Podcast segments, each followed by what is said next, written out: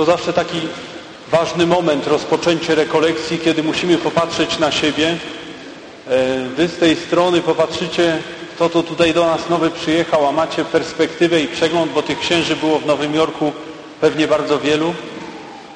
A ja zawsze z takim drżeniem też patrzę na tych ludzi, do których przyjdzie mi się zwracać, bo e, zdarza się tak, że właśnie gdyby ktoś powiedział mi 20 lat temu, że Jacku drogi będziesz mówił kiedyś po rosyjsku, to bym uznał to za dobry żart.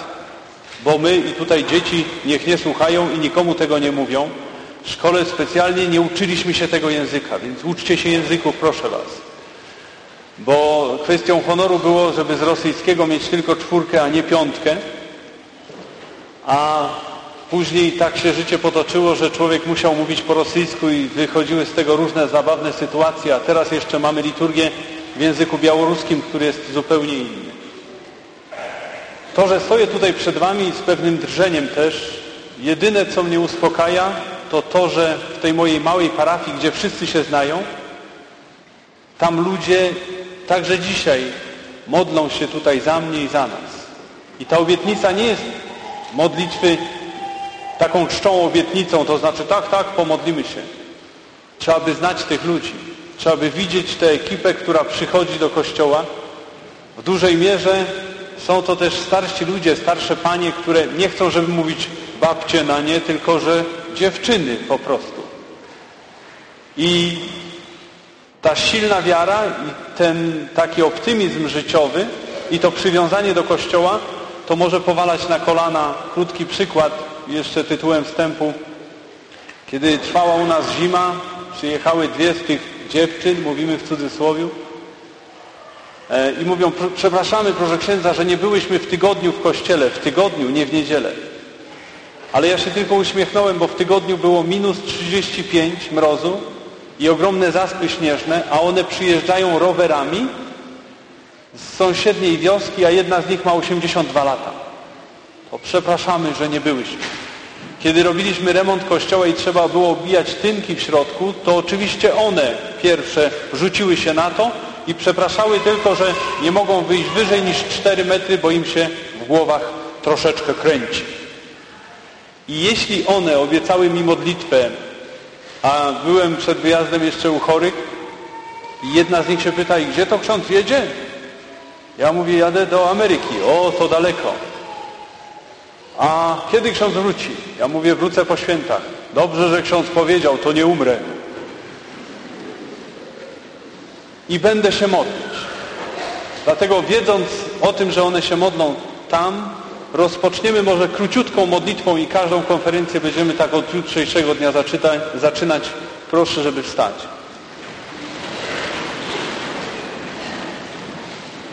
Przybądź Duchu Święty, napełnij serca swoich wiernych i zapal w nich ogień swojej miłości. Ześlij Ducha swego, a powstanie życie i odnowisz oblicze ziemi. Usiądźmy.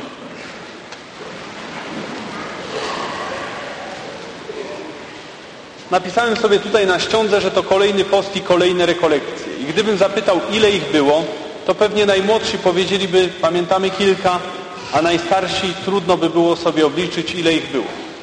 I przyjeżdżali, tak jak powiedziałem, różni księża. Ale gdybym zadał takie pytanie wprost, o czym były rekolekcje dwa lata temu, to mielibyśmy problem z odpowiedzią.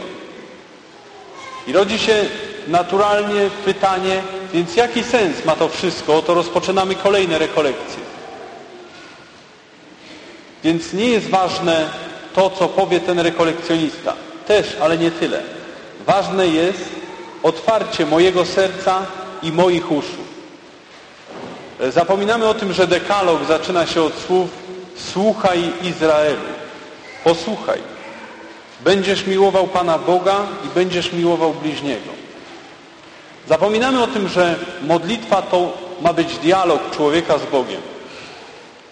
A dialog nie polega na nieustannym mówieniu. Mówimy, mówimy, czasem próbujemy zagadać tego Pana Boga. Ale rekolekcje są po to, abyś Ty posłuchał, abyś otworzył serce i uszy. I chciałoby się, żeby przyjechał ten ksiądz i tak powiedział do nas, przemówił i powiedział, znam Twoje serce, znam Twoje problemy, zrób to i to i człowiek myśli, powiedział to do mnie. Ja nie jestem tutaj żadnym kaszpirowskim, ani czarownikiem, ani czarodziejem. Ja podejrzewam, jakie ludzie mają problemy, ale to ty sam albo ty sama wiesz, co powinieneś zmienić w swoim życiu, co powinnaś zmienić w swoim życiu. W stosunku do Boga i w stosunku do najbliższych. No właśnie, jaki będzie temat? Temat wypisałem sobie, chciałem podjąć bardzo ważny, podstawowy temat. Rodzina szkołą wartości ludzkich i chrześcijańskich. Papież Benedykt XVI pisał o tym, że rodzina to podstawa i my też do tego wrócimy. Ale ten plan uległ troszeczkę zmianie. Dlaczego? Bo nie zacznę z pierwszej konferencji o wierze. Przed przyjazdem tutaj miałem rekolekcję bliżej Rosji, na wschodzie Białorusi, w Światłogorsku. Kościół, ludzie. Za chwilę proboszcz mówi, przejedziemy teraz do następnego kościoła, weź brewiarz. Ja mówię, co tak daleko będziemy jechać? On mówi 80 kilometrów. Następny kościół 80 kilometrów, a ja mówię, ilu masz tam wiernych? On mówi, przeliczył na palcach 12 osób. Inaczej mówi się do 12 osób. Ale dlaczego wspomniałem ten Światłogorsk? Bo księża później tam przyjechali do pomocy w spowiedzi w tej dużej parafii i taki pobożny z doświadczeniem życiowym prałat mówi Jacku, gdzie miałeś rekolekcję w tym roku? Ja powiedziałem, miałem tam, tam i tam. A gdzie jeszcze? A ja mówię, będę miał w Nowym Jorku, do Polonii. A, mówi, w Nowym Jorku. I o czym chcesz do nich powiedzieć? Ja mówię, chciałem powiedzieć o rodzinie, bo to jest najważniejsze i to jest fundament i tutaj jest dużo przekłamań różnych. A on tak się popatrzył, chcesz mówić o rodzinie? To sobie kup bilet powrotny. Ja sobie kupiłem bilet powrotny. Ale on mówi, jeśli będziesz mówił o rodzinie, nie zaczynaj od rodziny, zacznij od wiary. Bo nie ma sensu mówić o rodzinie chrześcijańskiej, jeśli nie ma fundamentu. Jeśli mamy pijaną hierarchię wartości, a próbujemy na to postawić trzeźwe myślenie, to wszystko nie trzyma się rady. Dlatego taki będzie plan, że w poniedziałek powiem o wierze. Później powiem o tym, że rodzina jest pierwszą szkołą wiary i prawdy o człowieku i o małżeństwie.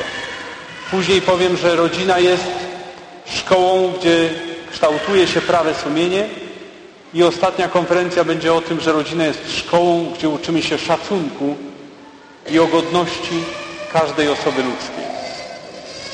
I jeszcze jedno. Ktoś powie, a ksiądz się będzie tutaj wymądrzał o rodzinie, przecież sam nie ma rodziny, nie ma żony ani dzieci. Po pierwsze, wszyscy wychodzimy z rodziny. A po drugie, gdybyście troszeczkę pracowali więcej albo słuchali spowiedzi dzieci, młodzieży, żon, mężów, to by człowiek doszedł do wniosku, że to są rzeczy najprostsze i szkoda, że o tym wszyscy nie wiedzą. I jeśli będę tutaj coś mówić i przytaczać jakieś przykłady, to będę też mówił do siebie. Tu właśnie przykład. Kilka lat temu pojechałem do Polski, żeby odwiedzić rodzinę. Tak jak wy wszyscy jestem rzadkim gościem w domu. Mama, rodzeństwo. I raz się zdarzyło w ciągu całego mojego dorosłego życia, że tak na odjezdnym jeszcze zajechałem do brata i brat mówi, coś tam kościół, tamto i tamto. Ja mówię, zaraz, zaraz, zaraz, zaraz, co tam chciałeś powiedzieć przez to?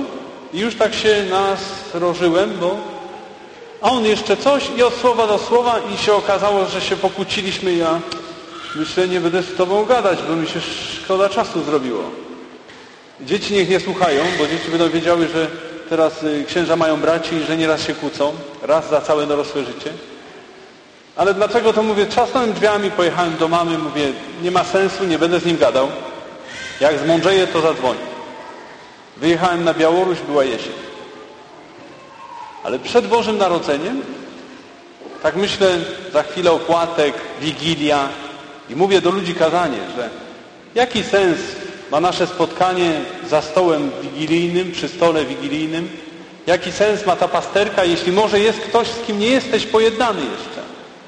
Może gdzieś z kimś się pokłóciłeś, może powiedziałeś o jedno słowo za dużo, to zanim rozpocznie się pasterka, ty podaj rękę, a jak nie, to zadzwoń. Wychodzę z tego kościoła i myślę sobie, Jacku, a z kim ty tam nie jesteś pojednany? Myślę, ten brat nie zadzwonił. Mhm. No już wziąłem tę słuchawkę, dzwonię do Polski i mówię, słuchaj, chciałem Cię przeprosić, a on mówi, nie, to ja chciałem Cię przeprosić. No i okej, okay, wszystko wyszło dobrze. I to, co będę tutaj proponował, to to, żebyśmy znaleźli czas dla siebie. E, czas na refleksję tutaj napisałem sobie na zadumę nad sobą, nad tym, jaką rolę spełniam w rodzinie, czyli jaką jesteś babcią czy dziadkiem, jaką jesteś mamą czy tatą, jakim jesteś mężem, żoną, jakim jesteś synem czy córką. I jeśli ktoś przyjdzie dzisiaj do domu i powie, o co tu, dzisiaj ksiądz o tobie mówił, to znaczy, że nie zrozumiał, do kogo to było. Oczywiście ktoś powie, że trzeba by mieć na to czas. Nie mam czasu. Nie mam kiedy myśleć. No zawsze mówimy tak, że ja to, ja tamto, jaki jestem zalatany, ważny, zabiegany właśnie, ile mam zaległości, ile planów na przyszłość. I dobrze, że Kościół na początku tego Wielkiego Postu tak troszeczkę bije jak młotkiem po głowie i mówi Ty prochem jesteś i w proch się obrócisz. My się obruszamy, jak to, ja? Chyba ksiądz nie wie, z kim rozmawiam. Wiem, prochem i w proch się obrócisz, krótko tutaj żyjemy na tej ziemi. I to nie chodzi o to, żeby teraz spędzać człowieka w depresję albo zaniżać jego samoocenę. Nie, nie, nie. Jeśli ktoś nie ma czasu, to szkoda, bo wie o tym każdy, kto otarł się, tutaj napisałem, o śmierć, szpital, chorobę, chorobę swoją lub bliskiej osoby. No właśnie, kiedy czeka się pod salą operacyjną albo kiedy wjeżdża się samemu wózkiem na tę salę operacyjną, o czym wtedy myślimy? Czy ktoś myśli o tym, żeby kalkulatorem szybko przeliczyć, ile tam jeszcze mógłbym zarobić, ile mógłbym stracić do końca miesiąca? Czy ktoś myśli o tym, że trzeba meble w kuchni wymienić? Czy ktoś myśli o tym, jakie mam plany na przyszłość, a tak i gdzie pojadę na wakacje? Nie. Wtedy są dwie myśli. Jedna to jest myśl o Bogu, przypominamy sobie modlitwę, żeby wszystko było dobrze, a druga myśl to jest o rodzinie. Może być zamiennie. Możemy pierw pomyśleć o bliskich, a później o Bogu.